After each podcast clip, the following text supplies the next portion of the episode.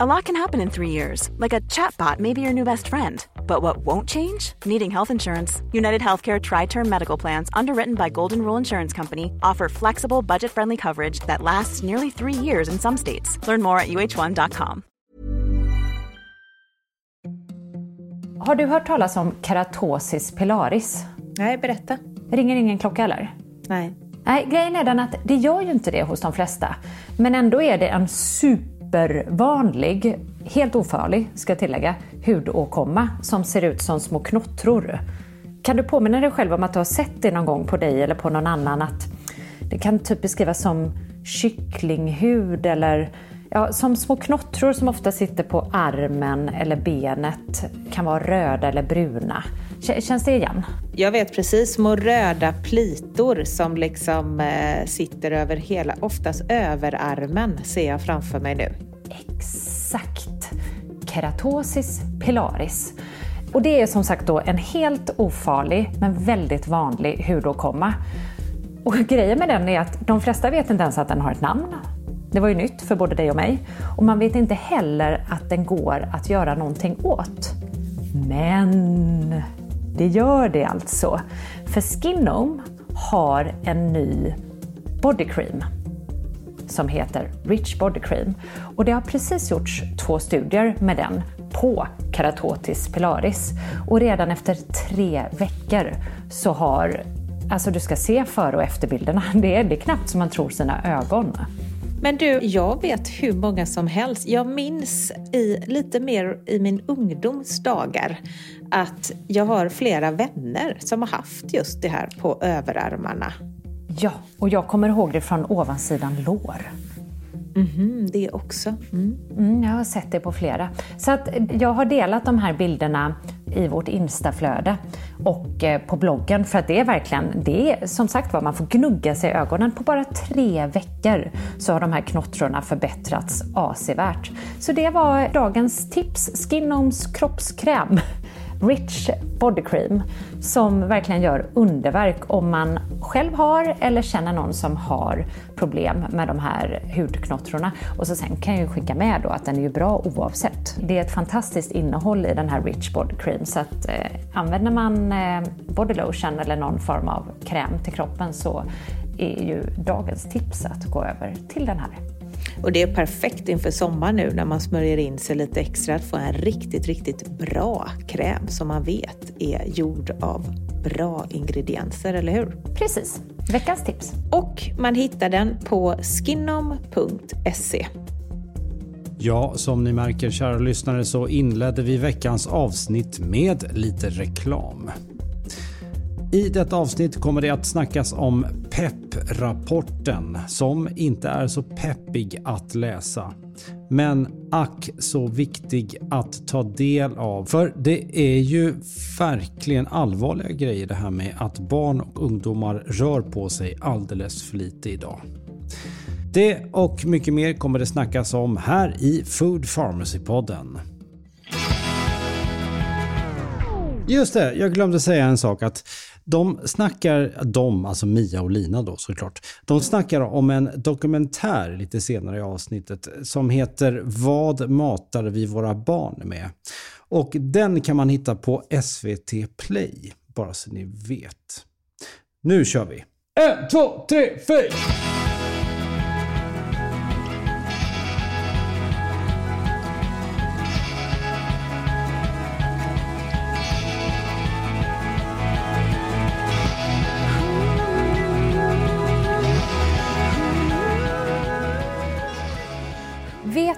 Vilken dag det är idag? Ja, det är torsdag. Mm, det är det. Men det är också dag fem av fem. Oh. Det är alltså min sista dag på fastahärmande femdagarskuren. För att jag har provat ut menyn till vår fasta som drar igång den 28 maj. Så sedan i söndags har jag ätit prick den menyn som ni andra ska få äta den 28 till 1 juni. Och vad ger du för betyg? Ja, nu är ju jag jäv, men jag har ju ändå varit igenom några fastor nu och den här får högsta betyg. Vi jobbar ju tillsammans med en så fantastisk dietist och det här är andra gången som hon eh, tar fram recepten för vår fasta härmande kur. Och inte nog med att hon är en mästare på eh, att näringsberäkna och få till det på minsta lilla grammet. Hon är ju dessutom en så duktig receptmakerska. Så under de här fem dagarna har jag fått njuta av allt från eh, Ja, det var en gazpacho som nästan liksom gav mig gåshud till eh, krispiga knyten med vårslungade grönsaker till en kall fransk potatissallad med ja men du vet, vinägrett, senapsvinägrett och fyllda tomater med ett hack som innehöll tomat och oliver och vårlök och ja, men du vet, jag, jag har ätit så gott Lina. Jag har, jag har verkligen njutit av god mat och att man då samtidigt som man njuter av så god mat lurar kroppen att tro att den är på fasta. Det, är liksom, det övergår mitt förstånd nästan. Mm. Hur det kan vara så gott och bra samtidigt. Nej men alltså, jag längtar efter, jag ska ju testa den andra menyn och jag längtar efter Malins mat. Det fantastiska när man har gjort en sån här fastehärmande kur, det är ju att det blir som en liten eh, välkommet avbrott i vardagen. Nu tycker jag att när man vet att nu ska jag göra min kur, det är någonting så här tryggt med det. Jag kan inte förklara det, det känns så eh, Ja, men det blir som en restart, ja, eller vad det, det heter. Att, nu, Reset, ja, att man resetar kroppen. Det är lite som att gå på en, äh, inte rehab höll jag på att säga, men typ rehab. ja. Nej, men, för vissa kanske rehab, för dig. Retreat. Det vet ju vi, det har vi pratat om tidigare, dina alkoholvanor. Retreat, för att det är så mycket som händer och jag vill poängtera det, varje gång vi pratar om det här så lyfter jag ju att det är ju jättemycket som händer i vår kropp. Visst, jag menar allt ifrån att vi, eh, den här fastarmande kuren är då väldigt välforskad av eh, professor Walter Longo och hans forskningsteam som leder då Longevity Institute som är världsledande på åldersrelaterad forskning. Så att det, det, är ju verkligen en vetenskapligt framtagen och kliniskt testad metod. Och där har man ju sett att allt ifrån att hämma inflammation men också då till att eh, balansera våra hormoner för hunger och mättnad och det vet vi ju är någonting som är rubbat i liksom, hur vi lever idag med mat tillgänglig överallt. Men också att vi återställer kroppens metabolism och att vi når den åtråvärda autofagin, alltså processer där vi Eh, går in i ett tillstånd där kroppen själv rensar ut skadade celler och skadat DNA. Allt det där händer ju på kroppsnivå och det är ju helt fantastiskt. Men jag skulle ändå säga att trots den här magin som sker så är det ändå det som händer i det mentala som för mig har varit helt outstanding när det kommer till den här fastärmade kuren. Och det är inte bara jag och du, utan det är tusentals andra som har gjort den här fastärmade kuren nu tillsammans med oss, som vittnar om samma effekt. Det är som att man kommer närmare sig själv. Det är någon form av mental träning. Och det är ju inte konstigt att religioner under liksom under hela mänsklighetens historia har använt fasta som ett spirituellt verktyg. Man förstår ju varför. Man förstår verkligen varför. På tal om rehab, så mm, alltid under den här femdagarskuren så längtar jag efter olika saker det är ofrånkomligt eh, eftersom man följer ett fast schema som man inte får avvika från. Även om jag får äta väldigt goda saker så får jag inte bestämma själv.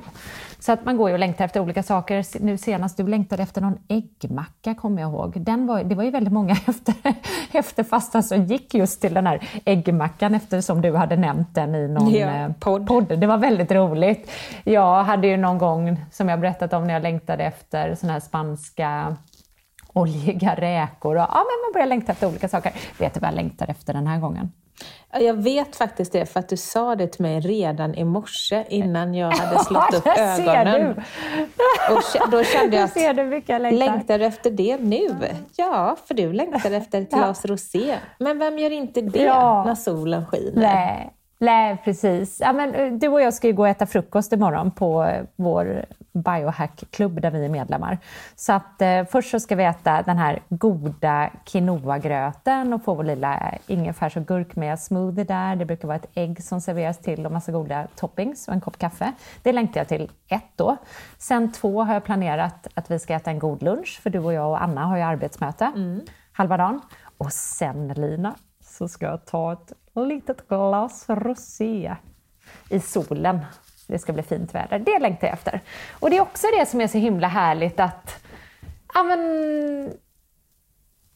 allting med den här kuren är härligt. För det, det är härligt inför, för man typ med skräckblandad förtjusning så går jag alltid in i det. Men jag kan liksom börja längta efter det. Nu har vi kört den så många gånger så jag kan liksom börja ladda för den en vecka innan vi drar igång. Och så sen så njuter jag faktiskt under kuren jättemycket och så sen efter så går man in i den här nya fräscha känslan. Ah, det, ah, jag, jag har mått så bra under den här kuren. Så tack Malin för riktigt bra jobb om du lyssnar med receptutvecklingen för den är, det är magiskt verkligen.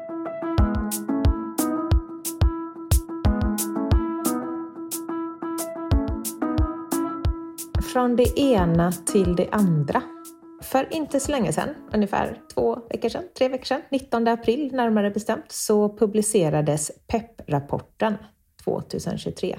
Och det är faktiskt den mest heltäckande granskningen av barn och ungdomars hälsa i Sverige. Och vi har ju fyra barn och ungdomar, så det ligger lite extra ja. varmt om hjärtat. Och tyvärr så är det ju, det är ju alltid så här lite deppiga nyheter tycker jag. Eller nyheter och nyheter, mm. nu är det inte nyheter längre. Men, ja, men lite låg energiläsning. Ja, man blir ju inte så här pepp, apropå pepp. Årets pepprapport visar att endast hmm, av tio barn och ungdomar rör sig enligt rekommendationen. Hur många tror du? Hur många barn i Sverige ja, ja, ja, rör sig enligt rekommendationen? Nej, nej, jag, jag, jag, jag gissar ju att det är under hälften. Så att nu kommer jag att ta i faktiskt. Nu tycker jag att jag tar i. Mm. Jag kanske tar i för mm. mycket. Tre. Visar att endast två av tio barn. Mm. Två! Mm. Jag tyckte jag tog Fortsätt, i. Jag tyckte jag tog Fortsättning i. följer. Och endast en bråkdel äter frukt och grönsaker enligt kostråden endast en bråkdel. Och kommer ni ihåg att vi pratade om de nordiska näringsrekommendationerna i förra poddavsnittet, tror jag det var. Eller förrförra var det, för vi hade en intervju förra. Där vi sa att Livsmedelsverket rekommenderar ju 500 gram frukt och grönt idag. Eh, men nu så har ju närings, nordiska näringsrekommendationerna ett förslag om att man ska höja den till 800 gram. Och då äter alltså mm. bara en bråkdel 500 gram. Mm. Totalt sett så är det endast 3 procent av Sveriges barn och ungdomar som lever enligt myndigheternas rekommendationer. 3 procent! Oh. Nej men alltså, det är ju så att man inte tror att det är sant. Kön, ålder och socioekonomi är faktorer som spelar stor roll för barnens möjlighet att leva hälsosamt. Mm. Är du nyfiken på lite mer fakta? Jag tycker det här är så intressant. Nej, nej, jag är både nyfiken och eh, att jag tycker det är alltså typ vill eh, sluta podda. Alltså jag tycker det här är jättejobbigt ja. Lina, faktiskt. Fast det är ju nu vi måste fortsätta podda, för det är ju det här som är så viktigt. Det här är någonting som vi alla måste hjälpas åt att göra någonting. Ja. Eh, för barn, de lär ju sig av oss vuxna. Det är vi som ska hjälpa ja. dem. Hur ska de veta? Ja. När vi var små Nej. behövde vi inte ens tänka på att man skulle... Vem tänkte på fysisk aktivitet? Man cyklade och gick hela... Den kom automatiskt, ja. ja precis. Men idag, mm. endast hälften av barn och ungdomar går eller cyklar till skolan och förskolan. Endast hälften. Mm.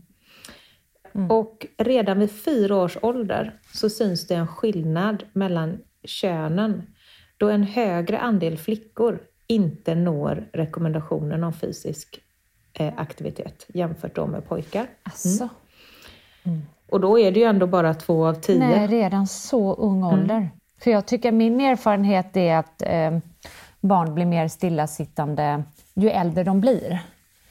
Alltså nästan med tonåren där, att många hoppar av sina aktiviteter och blir bekvämare, kanske tar något eh, moppekörkort eller har någon sparkcykel. Förstår du? Att det kommer senare, men det är alltså redan vid fyra års ålder. Mm. Oj, oj, oj. Och eh, apropå äldre barn, tre av tio tonåringar spenderar dagligen fem timmar eller mer utanför lektionstid stillasittande framför en skärm.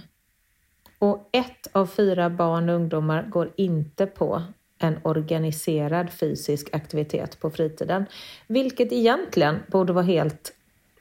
Det, är ju egentligen inget konstigt om man levde ett fysiskt aktivt liv. Som förr ja. Mm. Nej men precis. Och det är ju som vi brukar säga med sockerintaget till exempel att det är samma sak där att en, en bulle då och då skadar inte men om man lever om man lever på för mycket socker hela dagarna i alla måltider och får i sig för mycket av det eller sockerliknande mat, då blir det ett problem. Och det är samma sak här. Nej, man behöver inte vara elitidrottare, man behöver inte ens vara idrottare om man får den dagliga vardagsmotionen. Men här klämmer ju skon i att man inte ens får den. Nej, men precis. För man har ersatt den med stillasittande och skärm.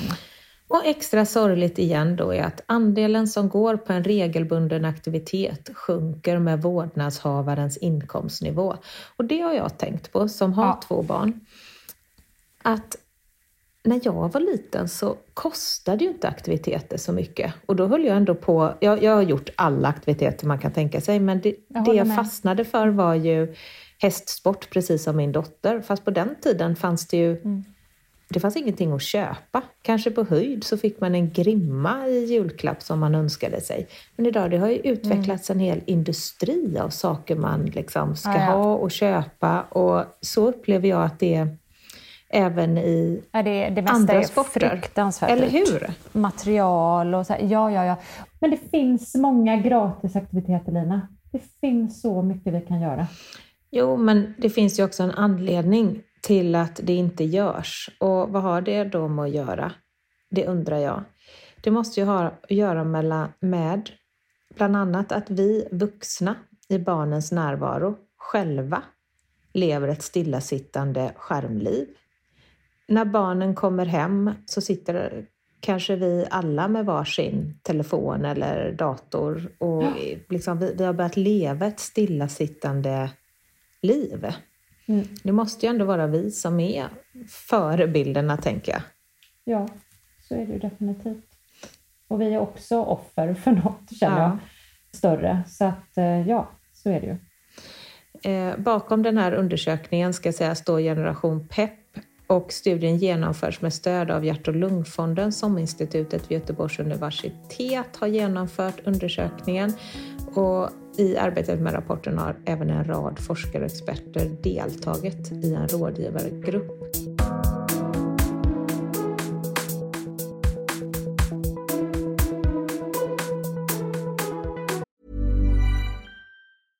I'm Sandra, and I'm just the professional your small business was looking for. But you didn't hire me because you didn't use LinkedIn jobs. LinkedIn has professionals you can't find anywhere else, including those who aren't actively looking for a new job but might be open to the perfect role, like me. In a given month, over 70% of LinkedIn users don't visit other leading job sites. So if you're not looking on LinkedIn, you'll miss out on great candidates like Sandra. Start hiring professionals like a professional. Post your free job on linkedin.com/people today. A lot can happen in three years, like a chatbot may be your new best friend. But what won't change? Needing health insurance. United Healthcare Tri Term Medical Plans, underwritten by Golden Rule Insurance Company, offer flexible, budget friendly coverage that lasts nearly three years in some states. Learn more at uh1.com.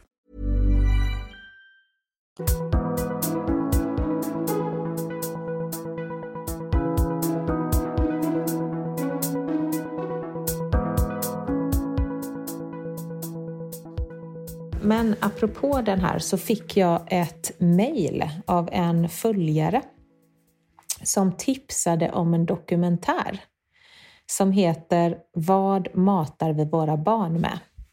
Så jag var tvungen att titta på den här dokumentären. Jag tänkte att det här passar ju lite in på ämnet.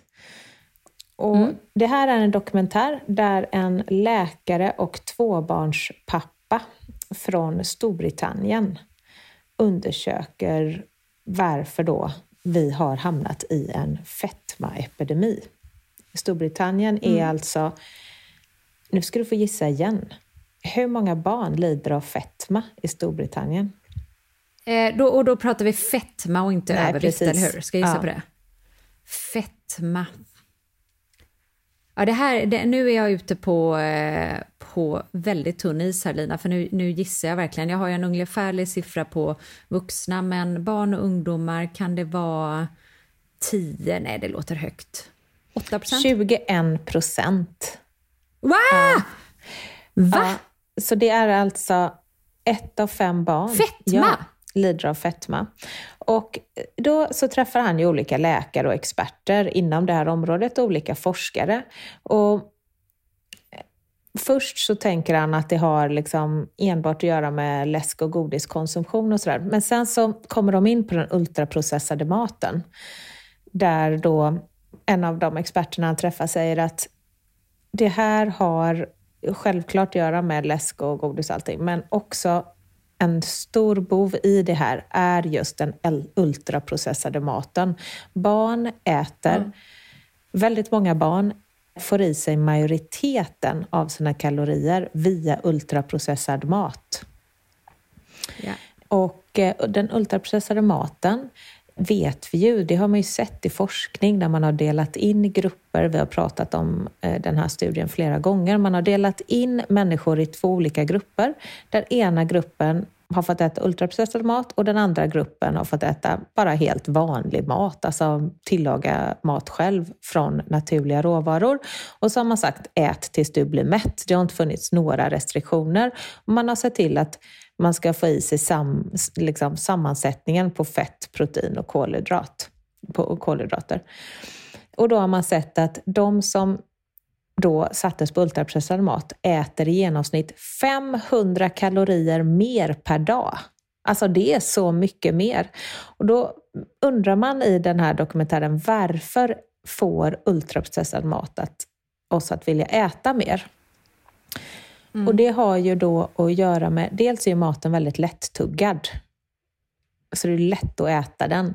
Men sen har ju också livsmedelsindustrin lagt ner enorma summor pengar och tid på att förstå vad det är som skapar den perfekta smaken.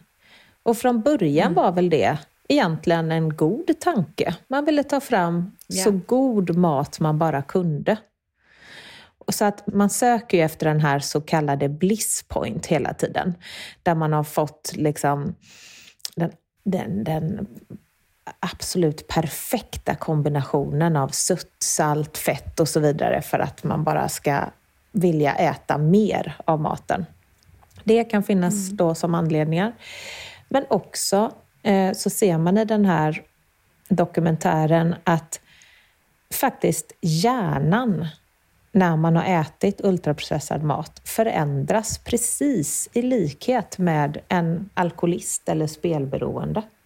Visst är det helt galet? Ja. Så man, man ser att det liksom blir någon form av neurokemiskt beroende.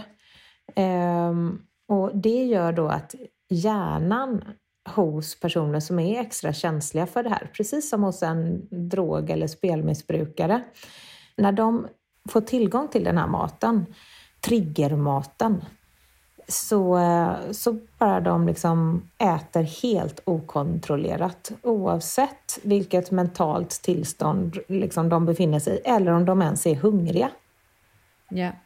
Och då satte den här läkaren sig själv på ultraprocessad mat.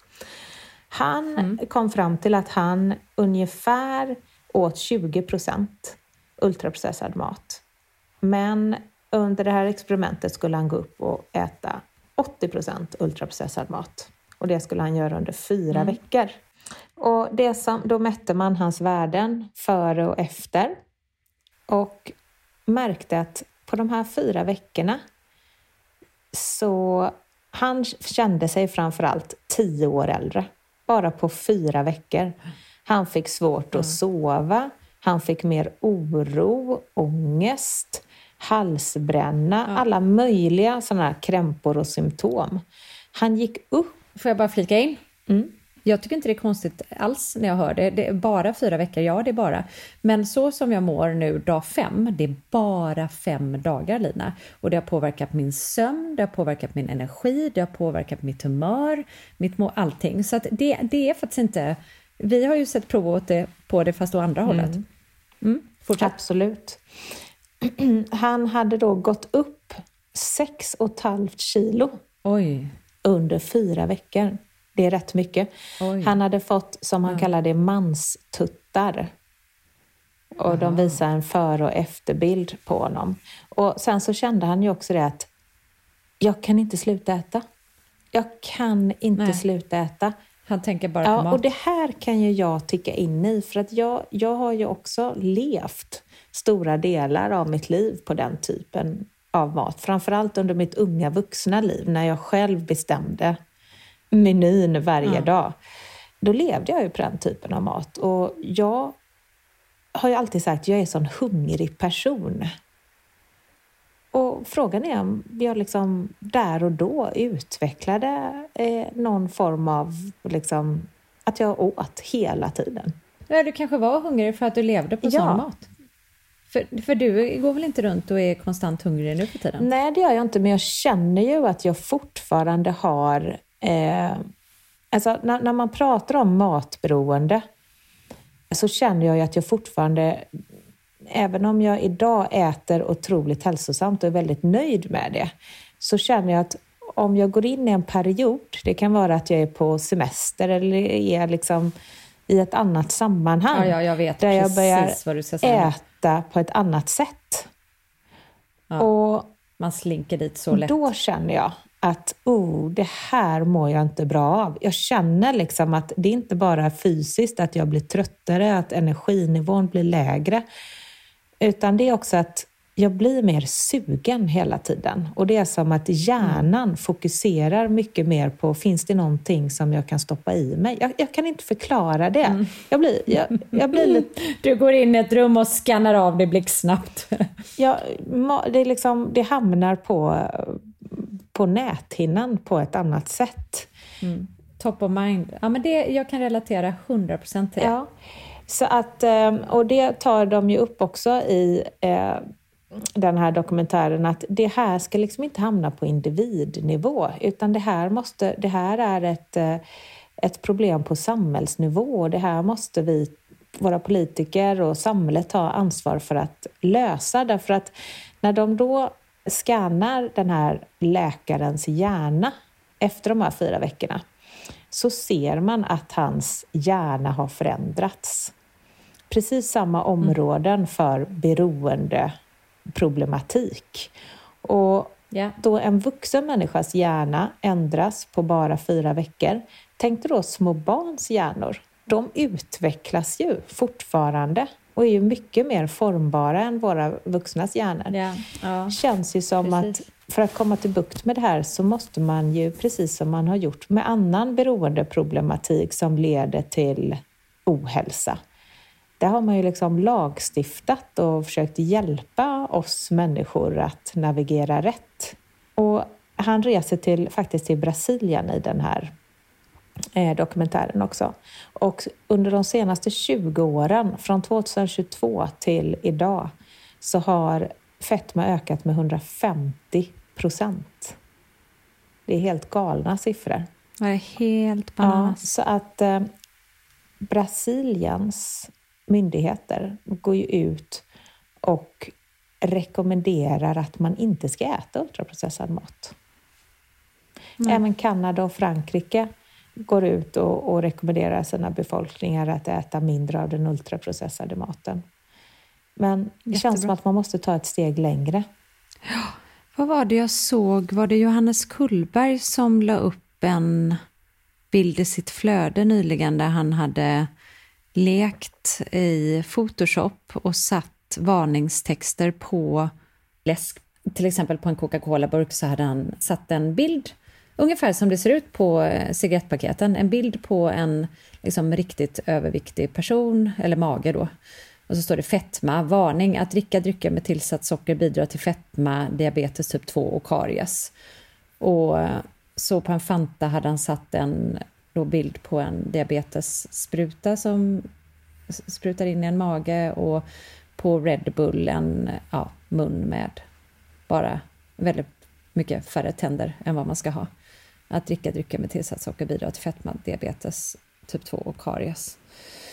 Eh, gilla om ni också vill ha varningstext på läsk. Jävligt smart eh, inlägg. 10 000 likes. Mm.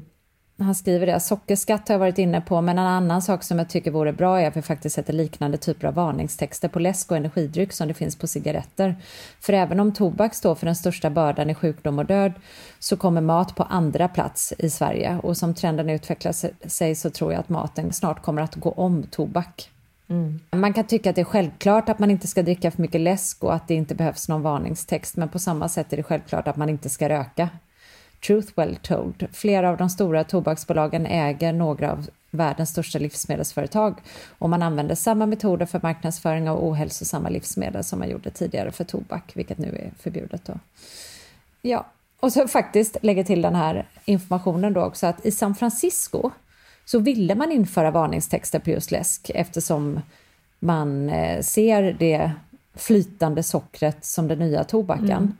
Men eh, vad tror du hände då? Jo, de stora läskföretagen gick samman och lyckades rösta ner förslaget genom en, ett enormt lobbyarbete. Ja, det här har vi pratat om. Mm, eh, det här är så sorgligt och det är bara... Jag, jag satt och tittade, jag tänkte, gick igenom mina gamla anteckningar och så för några veckor sedan så att jag tänkte det är nog dags för mig att göra en ny intervju. Vi har ju en ny minister ansvarig för ja. folkhälsa. Så jag tänkte att... Ja, och jag tar med mig min legitimation den här gången så att jag kan vara med på den intervjun. Ja. För senast kom jag ju inte in. Precis. Senast var faktiskt på vårt kontor och då var det Lena Hallengren. Mm. Där släppte ni in mig, men när vi um, intervjuade Annika Strandhäll så fick jag bassning. Mm precis. Men eh, jag tänker på det här också. Minns du, är det inte Brasilien som tog bort alla de här eh, barnsliga logotyperna? Det var på, Chile va? Eh, det var Chile va? Mm. Var det Chile? Ja. Det, så det, det, görs ju, det görs ju verkligen saker i, eh, även på förpackningar. Det är ju en ett form av eh, liksom steg i rätt riktning, men jag tycker att eh, den här idén om varningstext på läsk, när jag såg den, så såg den så självklar ut. Alltså det såg ut som att, ja, varför är det inte så? Mm. Ja, men eh, to be continued. Mia, idag ska du avsluta mm. dag fem och imorgon så kommer vi ses på en jättehärlig frukost. Ja, oh, ser så mycket fram emot detta. Jag med. Längtar, mm. längtar. Mm. Men jag ska njuta av den här dagen också, för jag ska få äta mycket gott idag också faktiskt. Mm, jag tycker ju att eh, jag njuter ju alltid dag fyra och dag fem under den fastarmade kuren. Jag känner mig så stark, både fysiskt och mentalt. Och apropå mm. den här energin. Eh, mm. Så... Eh, ja, det är en underbar mm. känsla. Men nu ska ja, ut men tack för idag, och njuta då. i solen. Tack! Ja, Hej! Kram, kram på dig och kram på alla som lyssnat. Du har lyssnat på Food Pharmacy-podden med Lina Närtby och Mia Klase. Jag heter Sebastian Ring och står för musik och redigering. Vill du höra mer av oss, eller ja, höra och höra, vill du liksom ha mer med Food Pharmacy att göra, så kan man väl säga, så finns vi på foodpharmacy.se och på Instagram under namnet food underscore pharmacy. Jag säger tack för denna vecka. Hej!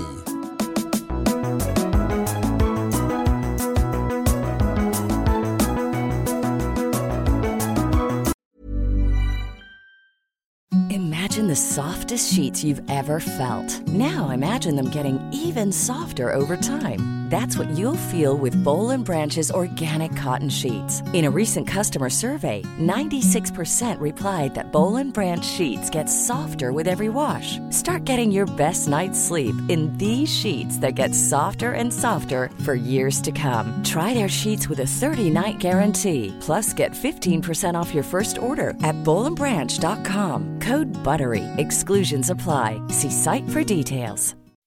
When you make decisions for your company, you look for the no-brainers. If you have a lot of mailing to do, stamps.com is the ultimate no-brainer. Use the stamps.com mobile app to mail everything you need to keep your business running with up to 89% off USPS and UPS. Make the same no-brainer decision as over 1 million other businesses with stamps.com. Use code PROGRAM for a special offer. That's stamps.com, code PROGRAM.